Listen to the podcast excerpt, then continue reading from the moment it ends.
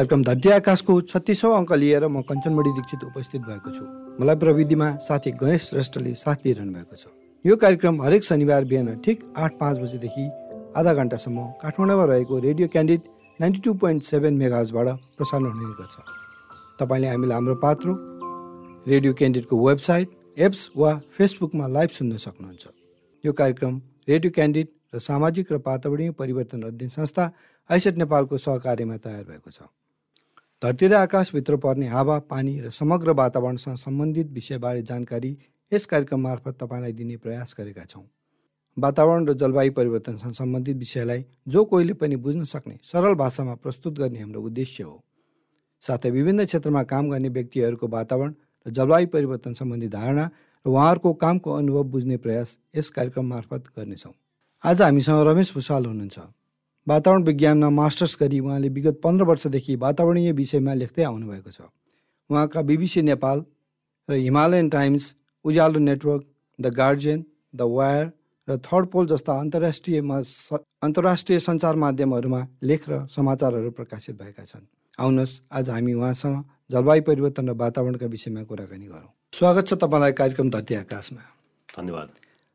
रमेशजी तपाईँले यो वातावरण विषयमा धेरै समयदेखि धेरै लेखहरू प्रका तपाईँको चाहिँ नि प्रकाशित भएका छन् होइन? र फरक फरक मिडियामा छ तपाईँको। के कस्ता लेखहरूमा तपाईँलाई रुचि छ? के कस्ता लेखहरू लेख्नुहुन्छ? खास गरेर वातावरणीय विषयहरूमै लेख्ने हो तर वातावरणीय विषय दुई दुईवटा हिसाबले एउटा प्राविधिक विषय छ। त्यो प्राविधिक विषयलाई चाहिने सामान्य मान्छेले बुझ्न सक्ने गरी।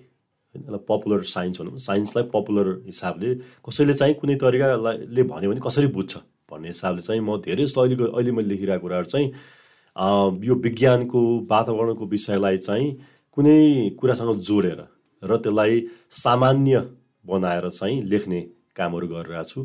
त्यसमा धेरै कुराहरू छ। ढुङ्गा माटोदेखि लिएर आएर पानी जलवायु वनजन्तु वनस्पति यो पारिस्थितिक प्रणाली र हाम्रो सेरोफेयर होइन यो सबै कुरालाई चाहिने जोडेर अब हाम्रो जलविद्युतदेखि लिएर आएर अरू धेरै विषयमा चाहिँ मैले लेख्ने गरेको छु। खास गरेर चाहिँ मान्छेहरूलाई अहिलेको परिस्थिति कस्तो छ त? खास भन्ने हो भने हामी आत्तिनुपर्ने हो कि होइन? हामी कहाँ छौँ अहिले? अब यसो हेर्दाखेरि तपाईँलाई के लाग्छ हामीलाई के लाग्छ भने चाहिँ हामी एउटा गरिब देशमा बस्छौँ होइन? हाम्रो अरू हिसाब नहेर पैसाको मात्र हिसाबले कुरा गर्दाखेरि। तर त्यो भनेको के हो त भन्दाखेरि चाहिँ हामीले हेऱ्यो भने हाम्रो सेरोफेरमा हामीले धेरै कम स्रोतको प्रयोग गरे आउँला। तर मान्छेको रूपमा हेऱ्यो भने हामी सात अरबभन्दा बढी मान्छे छौँ। त्यो सात अरबभन्दा बढी मान्छेले पृथ्वीमा हरेक दिन जुन तहको दोहन गर्छ त्यो दोहनको तह हेऱ्यो भने त एकदमै डरलाग्दो छ। डरलाग्दो छ होइन? त्यस कारणले गर्दा हामीले समग्र रूपमा पनि बुझ्नुपर्छ हाम्रो सेरोफेरमा जे भएको छ एउटा कुरा होला। तर हामीले पृथ्वीलाई बुझ्ने हो भने हामीले वातावरणलाई बुझ्ने हो भने चाहिँ हामीभन्दा बाहेक पनि के भएको छ त? र त्यो कत्रो स्केलमा भइरहेको छ। र त्यसले कत्रो असर गरेको छ भन्ने कुरा हेर्न थालेपछि चाहिने साँच्चै समस्या ठुलो रहेछ भन्ने देखिन्छ कि?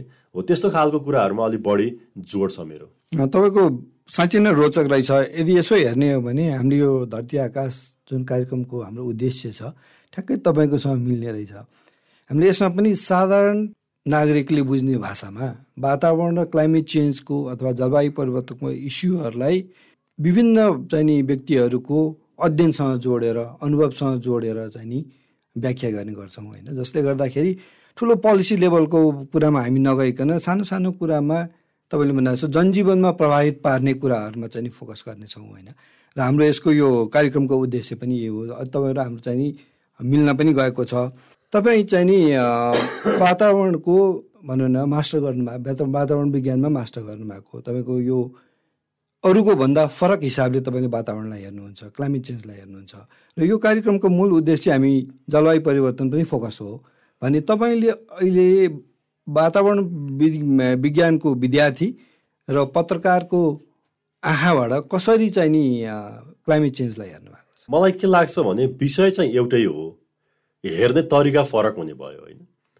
जस्तो साँच्चै जलवायु परिवर्तन के हो त भनेर सोध्नुभयो भने जस्तो मैले बेला बेलामा चाहिँ यो वातावरण सम्बन्धी पत्रकारिता गर्नेहरूलाई तालिम दिने बेलामा अरूसँग कुरा गर्ने बेलामा भन्छु कि तपाईँको शरीरमा एक डिग्री सेल्सियसको तापक्रम बढ्दा तपाईँलाई कस्तो महसुस हुन्छ?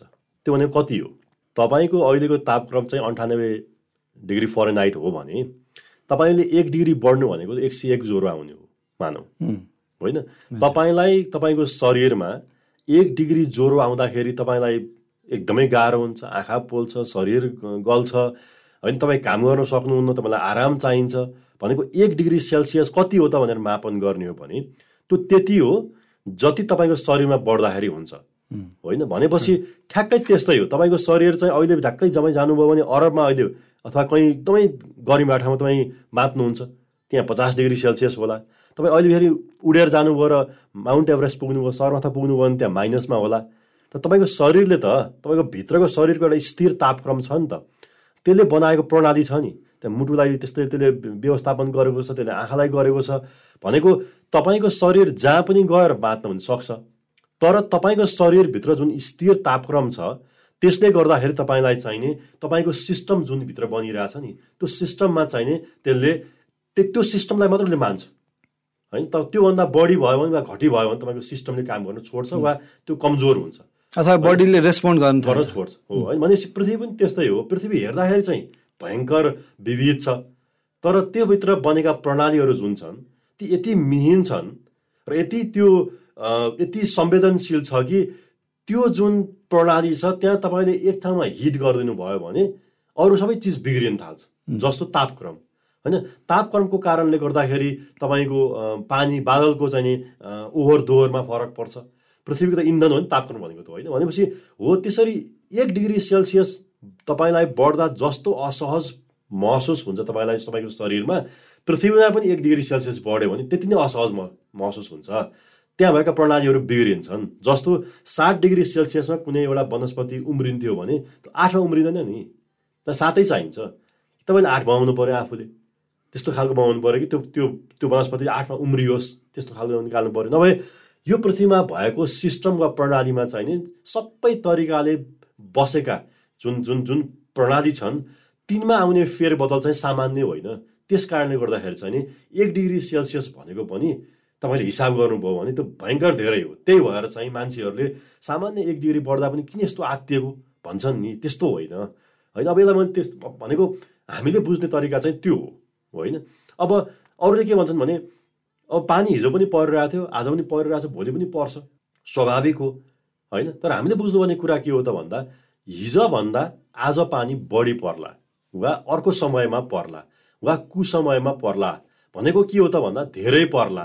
होइन हिजो पचास वर्षमा तिनवटा बाढी जान्थे भने अब सातवटा जाने भयो। बाढी त आउँथ्यो तर तिन त सात भयो नि। हो त्यो परिवर्तन नै जलवायु परिवर्तन हो। यहाँ ठुलो नयाँ चिज आउनु त होइन नि त। हो यस्तो खालको चाहिने कुरामा चाहिँ मैले अलिक बढी सामान्य गरिकन कसरी बुझ्ने त? होइन? हो त्यो कुरामा चाहिँ मेरो बढी जोड छ कि। म म के बुझ्छु म के भन्छु भने चाहिँ मेरो बुझाइमा चाहिँ हामीले अलि मिहिन तरिकाले हेऱ्यौँ भने चाहिँ जलवायु परिवर्तनलाई बुझ्न छुट्टै आँखा चाहिँदैन। तर तपाईँसँगै भएको आँखालाई अलि फराकिलो बनाउनु पर्यो। त्यो बनायो भने बुझिन्छ भन्ने हो। होइन तपाईँले भन्नु जस्तो कति सजिलो छ भन्दा एक्वेरियममा राखेको माछामा तपाईँले एकछिन त्यो जाडोको समयमा बन्द गरिदिनु भयो भने माछा भटाभट मर्न थाल्छ। होइन अलिकति मात्र टेम्परेचर माथि तल पऱ्यो भने एक डिग्री पनि चाहिँदैन। अलिअलि भयो भने पनि माछा मर्न थाल्छ भने यस्ता त कति संवेदनशील चाहिने प्राणीहरू पृथ्वीमा छन् बिरुवाहरू छन्। र हामी पनि सायद मान्छेको भित्रको मेकानिजम पनि केही न केही त्यस्तो होला। हामी त्यसमा एडप्ट हुनलाई हामीलाई टाइम नै लाग्नेछ होइन? यति यति सहज बुझाइदिनुहुन्छ भने हामी अहिले यति भनौँ न जलवायु परिवर्तन बुझाउन त्यति गाह्रो त छैन। तपाईँले बुझाउनु जसरी बुझाउनु सजिलो। किन हामीले पब्लिकलाई यसरी बुझाउन सकिरहेको छैनौँ? हामी कहाँ चुकिरहेको छौँ त अहिले? यस्तो भयो। हाम्रोमा चाहिँ के भयो भन्दा एउटा चाहिँ बुझ्ने प्रयासमै समस्या छ। हामीले जलवायु परिवर्तनलाई चाहिँ ठुलो राजनैतिक मुद्दा मात्रै बनाइराख्यौँ। भनेको यो पुँजीवाद र साम्यवादको भनौँ न कुरा गर्दाखेरि वा जे कुरा गर्दाखेरि यो पुँजीवादीहरूले पुँजीवादले ल्याएको एउटा समस्या हो बाट सुरु गरेपछि त त्यो बिग्रियो नि। हो। संसारमा पुँजी कसलाई चाहेको छैन? हामीलाई पनि धनी बन्नु मन लागेको छ। होइन? भनेको यो पुँजीले मात्र ल्याएको समस्या हो। भनेपछि तपाईँले त्यो पुँजी कमाउने को छ? भन्दा त्यो छ। हो त्यो चाहिँ हाम्रो दुश्मन हो होइन भनेको बहस कहाँ गयो त भन्दा त्यो पुँजी कमाउने त्यो चाहिँ दुश्मन हो त्यसले गर्नुपर्छ भनेर एक एउटा एक खालको पोलिटिकल्ली रेडिकलाइज गर्ने त्यो त्यो एउटा भयो हो त्यहाँनिर के छ भन्दाखेरि चाहिँ हामीले जति यो पृथ्वीमा आएर हामीले जे नराम्रो गऱ्यौँ त्योभन्दा धेरै नराम्रो अरूले गरे हामीले जति पैसा कमाउनु पर्ने कमाएका छौँ त्योभन्दा धेरै अरूले कमाए हामीले गाडी नचढ्दै अरूले करोडौँ गाडी चढिसकेका थिए। हामीसँग जहाज नहुँदै अरूले गरिसकेका थिए। तर कुरा के हो त भन्दाखेरि त्यो हिस्टोरिकल रेस्पोन्सिबिलिटी जुन भन्छन् त्यो ऐतिहासिक रूपमा लिने दायित्व जुन छ त्यो विकास विकास विकसित देशले लिने जस्तो अमेरिकाले वा युरोपले लिने उनीहरूसँग हामीले गर्ने दाबी गरिराख्नुपर्छ। तर समस्या के हो त भन्दा त्यसलाई रेडिकलाइज गरेर मात्रै पनि अब समस्या समाधान हुँदैन। जस्तो उदाहरणको लागि हामीले हाम्रो सेरोफेरो हाम्रो वातावरण हाम्रा पुल हाम्रो खानेपानीको आयोजना हामीले त हामीले अहिले चाहे अनुसार नै बनाउन सक्छौँ नि त। उनीहरूसँगको हाम्रो वार्ता छ। त्यहाँ मुद्दा पनि छ। तर सँगसँगै हामीले स्थानीय तवरमा गर्न सक्ने गर्नुपर्ने कामहरू चाहिँ पटक्कै नगर्ने। र सधैँ अरूलाई दोष लाएर बसेर चाहिँ हामीले एउटा छुट्टै खालको दुश्मन खडा गरेर चाहिँ उसैसँग हाम्रो द्वन्द्व हो भन्ने खालको चाहिँ एउटा पोलिटिकल अन्डरस्ट्यान्डिङमा मात्रै धेरै फोकस भयो वा हाम्रो हाम्रो हाम्रो बहस केन्द्रित भयो भन्ने मलाई लाग्छ होइन? अनि तपाईँले भन्नु रेडिकलाइजेसनको जुन कुरा गर्नुभयो नि यदि हामीले उहाँहरूलाई एनिमी मात्र ठान्ने हो भने त हामीले कम्प्युटर पनि युज गर्नु भएन मोबाइल पनि फोन फोन पनि युज गर्नु भएन। कुनै पनि सफिस्टिकेटेड जसले कार्बन उत्सर्जन गरेको छ त्यो युज गर्नु भएन। हामी प्रशस्त गर्छौँ। हामी पनि इक्वली भागीदार त छौँ नि यसमा होइन र? इक्वली त भन्न मिलेन भोल्युमको हिसाबले हेर्दाखेरि होइन? तर कुरा के हो त भन्दाखेरि चाहिँ त्यो एउटा खालको बहस हो जहाँ गरिराख्नुपर्छ। त्यो अन्तर्राष्ट्रिय फोरममा गएर गर्ने बहस हामी जस्तै अरू देशहरूले गर्ने समूहमा गएर गर्ने बहस चाहिँ एउटा छ। त्यो गर्नै पर्छ र त्यो माग्नै पर्छ त्यो भन्नै पर्छ। तिमीहरूले यो पृथ्वीलाई चाहिँ दोहन बढी गरेको भन्ने कुरामा उनीहरूको पनि सहमति छ। होइन? अब फर्केर घरमा आउँदा के हुन्छ त भन्दाखेरि चाहिँ घरमा बाढी त अब आइसक्यो। होइन? पुल पनि बगाइसक्यो मेलम्ची पनि अस्ति लगिसक्यो। होइन? तपाईँको घरमा पानी आउँदैन। भनेपछि मेलाम्चीको पानीलाई काठमाडौँ ल्याउने कुरामा तपाईँले अलि मेहनत गरेको भए अलि बुझेको भए त त्यो पानी त आइरहेको थियो नि त। तपाईँले अरबौँ रुपियाँ खर्च गरेर बनाएको देशको सबभन्दा ठुलो चाहिने खानेपानी आयोजना त्यो पनि फेरि देशको राजधानीमा बस्ने मान्छेले बनाएको बिसौँ वर्ष अध्ययन गरेको अरबौँ रुपियाँ खर्च गरेको एउटा प्रोजेक्टले सामान्यतया तिन सय पचास स्क्वायर वर्ग किलोमिटरको एरिया भएको कुनै रिभर भनौँ न एउटा एउटा एउटा रिभर वाटरसेड भएको ठाउँमा चाहिँ त्यहाँको बा वातावरण कस्तो हुन्छ भनेर मापन गर्ने सिस्टम पनि नबनाएको माथि गएर सामान्य हेर्दा पनि नहेरेको र त्यत्रो ठुलो घटना हुन्छ भनेर सामान्य सामान्य मान्छेले भन्दा माथि नसोचेको। होइन? त्यहाँ एउटा किसानले जे सोचेको छ त्यही सोच्ने भए त किन यत्रो खर्च गरेको त्यसो भए? एक्ज्याक्टली हजुर। होइन? एउटा किसानले पनि त त्यो थाहा पाएन होला बरु। भनेपछि त्यहाँ बस्ने एउटा सामान्य किसानले जेको आधारमा निर्णय गर्छ ठ्याक्कै त्यही प्रणाली बनाउने भए किन यत्रो खर्च गरेको त त्यसो भए? के अर्थ भयो त? यत्र कागज किन बनाएको? किन अध्ययन गरेको? भन्ने हुन्छ नि त। त्यस कारणले गर्दा चाहिँ हामीले हामीले आफ्नो सेरोफेरोमा हामीले गर्नुपर्ने कामहरू यति धेरै छ कि त्यो जलवायु परिवर्तनसँगको अर्को ठुलो मुद्दासँग यसलाई जोड्नै पर्दैन। हामीले त्यहाँनिर चाहिँ मिक्स मार्क्स गरे जस्तो लाग्छ क्या हामीलाई। त्यो समस्या भएको कारणले गर्दा हामी अल्झियौँ कि? हो त्यो त्यो हामी छुट्याउनु पर्यो। यो हामीले देशभित्र गर्ने हो यो देश बाहिर गर्ने हो यो सामूहिक रूपमा गर्ने हो यो व्यक्तिले गर्ने हो यो सरकारले गर्ने हो भनेको हामीसँग त रोल छ नि त होइन? त्यस कारणले गर्दा चाहिँ हामीले के बुझ्नुपर्छ भन्दाखेरि चाहिँ हामीले त्यो मुद्दाहरूलाई सोलो डोलोमा हिसाब किताब गर्दै त्यसलाई चाहिँ राजनैतिक एजेन्डा मात्रै बढी हो भन्ने जुन स्कुलिङमा मात्रै गयो त्यसले गर्दा हाम्रो बहस फितलो भयो। एउटा गाउँपालिकाले आफ्नो गाउँमा के बनाउने भन्ने कुराको छलफल गर्दाखेरि उसले अमेरिकाले बनाएको कार्बन डाइअक्साइड ग्यासको इमिसन कुरा गर्नु पर्दैन। पर्दैन। होइन त्यो उसले गरेर पनि केही हुनेवाला छैन। उसले के गर्नुपर्छ भन्दाखेरि चाहिँ यदि तापक्रम त्यो मेलाम्ची अथवा कहीँ चाहिँ गएको सय वर्षमा एक डिग्री सेल्सियसले बढेको हो भन्ने र कतै अध्ययन भएको छ वा त्यो सूचना उसँग छ भने उसले आफूले बनाउने संरचनामा चाहिँ त्यो हुँदाखेरि के हुन्छ भन्ने कुराको हिसाब किताब गर- गरेर त्यो अनुसारको पूर्वाधार बनाउनु पर्यो। सिम्पल छ नि त त्यो कुरा त।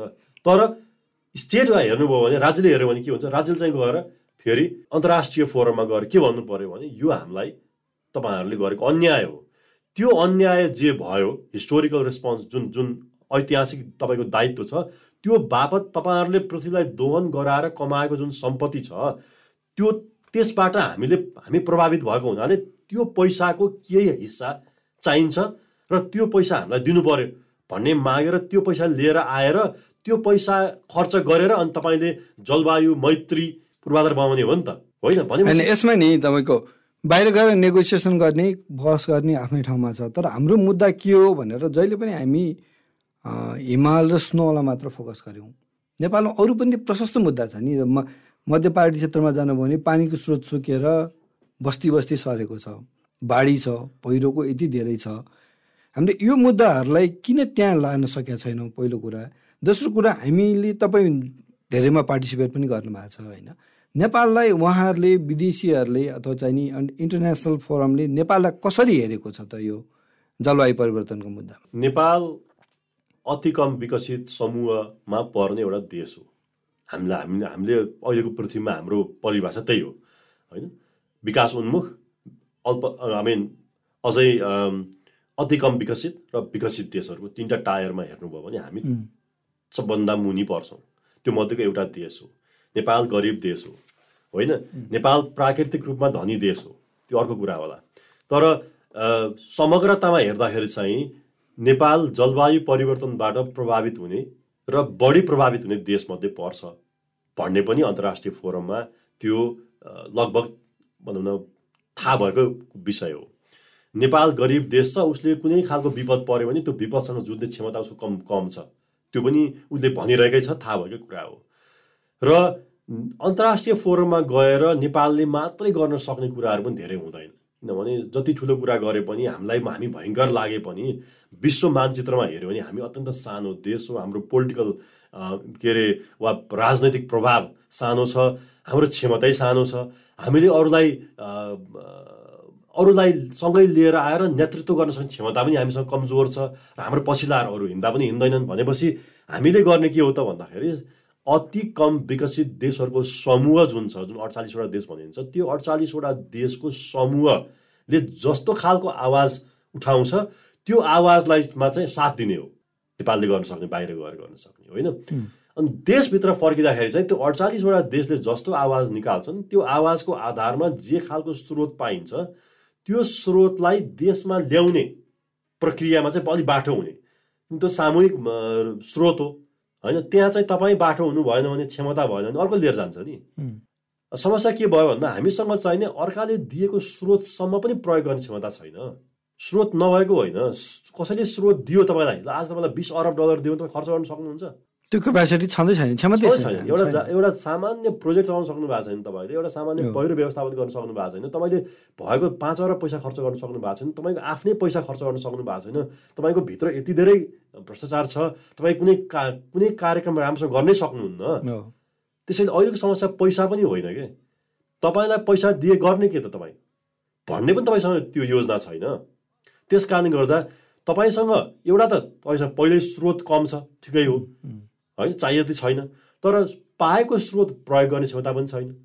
र त्यो स्रोत ल्याउने जुन हुन्छ नि पुल भन्छ नि अब त्यो त संसारभरि त हामीलाई मात्र कसै दिँदैन। भनेपछि त्यो पुलमा त गएर हाम फाल्ने हो नि। अनि त्यहाँबाट तान्ने हो।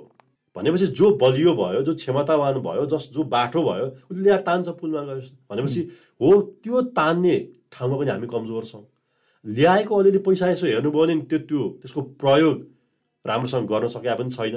भनेपछि हामी त रन्थामलमै छौँ जस्तो लाग्छ है मलाई चाहिँ हेर्दाखेरि। त्यस कारणले गर्दा यसलाई छुट्टाएर हेर्नुपर्छ। देशले गर्ने अन्तर्राष्ट्रिय बहस कस्तो? ल्याएको स्रोतलाई कसरी प्रयोग गर्ने त्यो अर्को पाटो अनि गाउँ गाउँमा गएर वा देशको सबै ठाउँमा गएर चाहिँ उनीहरूलाई यो विषयलाई बुझाउने कसरी र बुझेपछि गर्ने के? यहाँ समस्या बुझ्नु मात्र पनि होइन कि? त मैले बुझेँ तर मैले त्यो त्यो बुझे अनुसारको निर्णय गर्न सक्ने पनि हुनु पऱ्यो नि त। वा म मैले मैले थाहा पाएँ समस्या छ भनेर। तर त्यो समस्याको समाधान गर्ने मान्छे म कसरी हुन सक्छु त? भन्ने ज्ञान पनि दिनु पऱ्यो नि। हो त्यो पनि त्यो पनि चाहियो। होइन? विकल्पहरू दिन सक्नु पऱ्यो हामीले। यस्तो गर्दाखेरि चाहिँ राम्रो हुन्छ है भन्न सक्नु पऱ्यो यो गर्दा ठिक हुन्छ भन्न सक्नु पऱ्यो त्यो पनि छैन कि फेरि? त्यसैले कसैले गर्न चाह्यो भने पनि उसलाई पनि गर्नका लागि चाहिने यथेष्ट सूचनाहरू अध्ययनहरू होइन? त्यो पनि हामीसँग छैन। त्यस कारणले गर्दा हामी त धेरै हिसाबले रन्थावलमा छौँ जस्तो मलाई लाग्छ।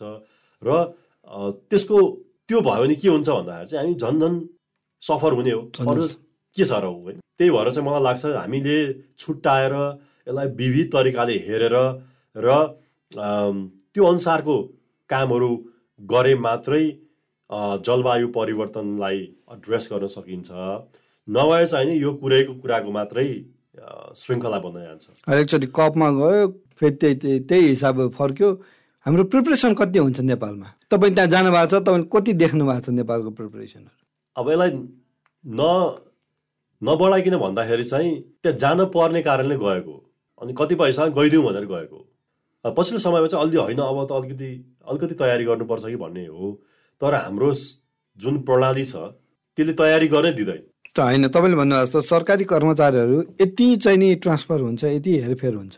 हरेकचोटि नयाँ अनुहार जानुहुन्छ। भने उहाँले कतिको छाप पार्न सक्नुहुन्छ। एकजना रेगुलरली टार्गेटेड नबनाइकन हामी कतिको सफल हुन्छौँ त व्यक्ति भन्दा पनि यस्तो छ त्यो प्रणालीले जसरी त्यसलाई लिन्छ नि व्यक्ति त भनौँ न व्यक्तिलाई तपाईँको संस्थागत मेमोरी हुने हो भने होइन काम गर्ने एउटा टोली हुने हो भने एउटा व्यक्तिले मात्रै त होइन।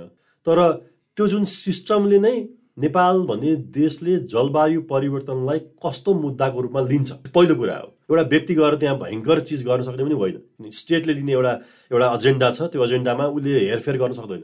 त्यस कारणले गर्दा एउटा व्यक्तिले गर्न सक्ने कुराहरू अलिक कम होलान्। तर समग्र रूपमा स्टेटले चाहिने वा राज्यले यो विषय कतिको महत्त्वपूर्ण हो यसलाई कसरी हामीले बुझ्ने भनेर चाहिँ बाह्रै महिना बाह्रै के अरे भनौँ ट्वेन्टी फोर सेभेन भनौँ न एउटा यस्तो खालको टोली के अरे संरचना तयार हुनु पऱ्यो कि उसले चाहिँ विभिन्न कामहरू गरिराखोस्। र त्यसको एउटा रूप मात्रै त्यो जलवायु परिवर्तनको वार्ता मात्रै हो वार्ता हो। त्यो एउटा एउटा इभेन्ट मात्रै हो। तर त्योभन्दा बाहेक अरू काम छन् नि त जस्तो पोलिसीमा गएर अन्तर्राष्ट्रिय रूपमा छलफल गराउने एउटा कुरा होला। तर देशभित्रै बसेर सूचनाहरू बनाउ जम्मा गर्ने तिनलाई एनालाइसिस गर्ने।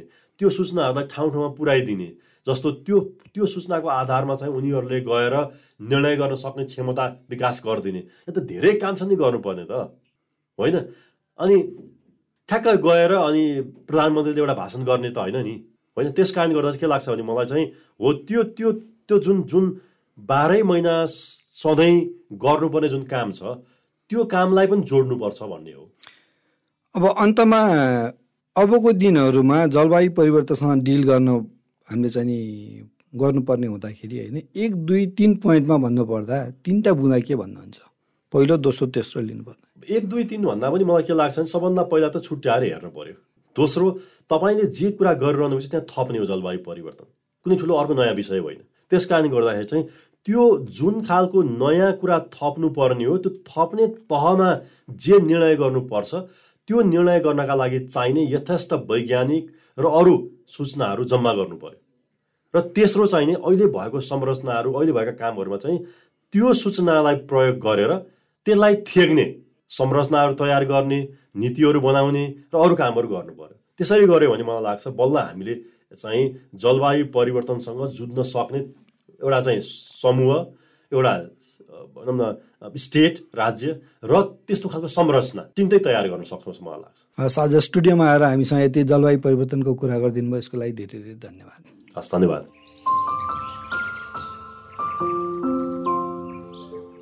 आज हामी रमेश भूषालसँग कुराकानी गर्दैछौँ। हस् त आजको कार्यक्रम तपाईँलाई कस्तो लाग्यो?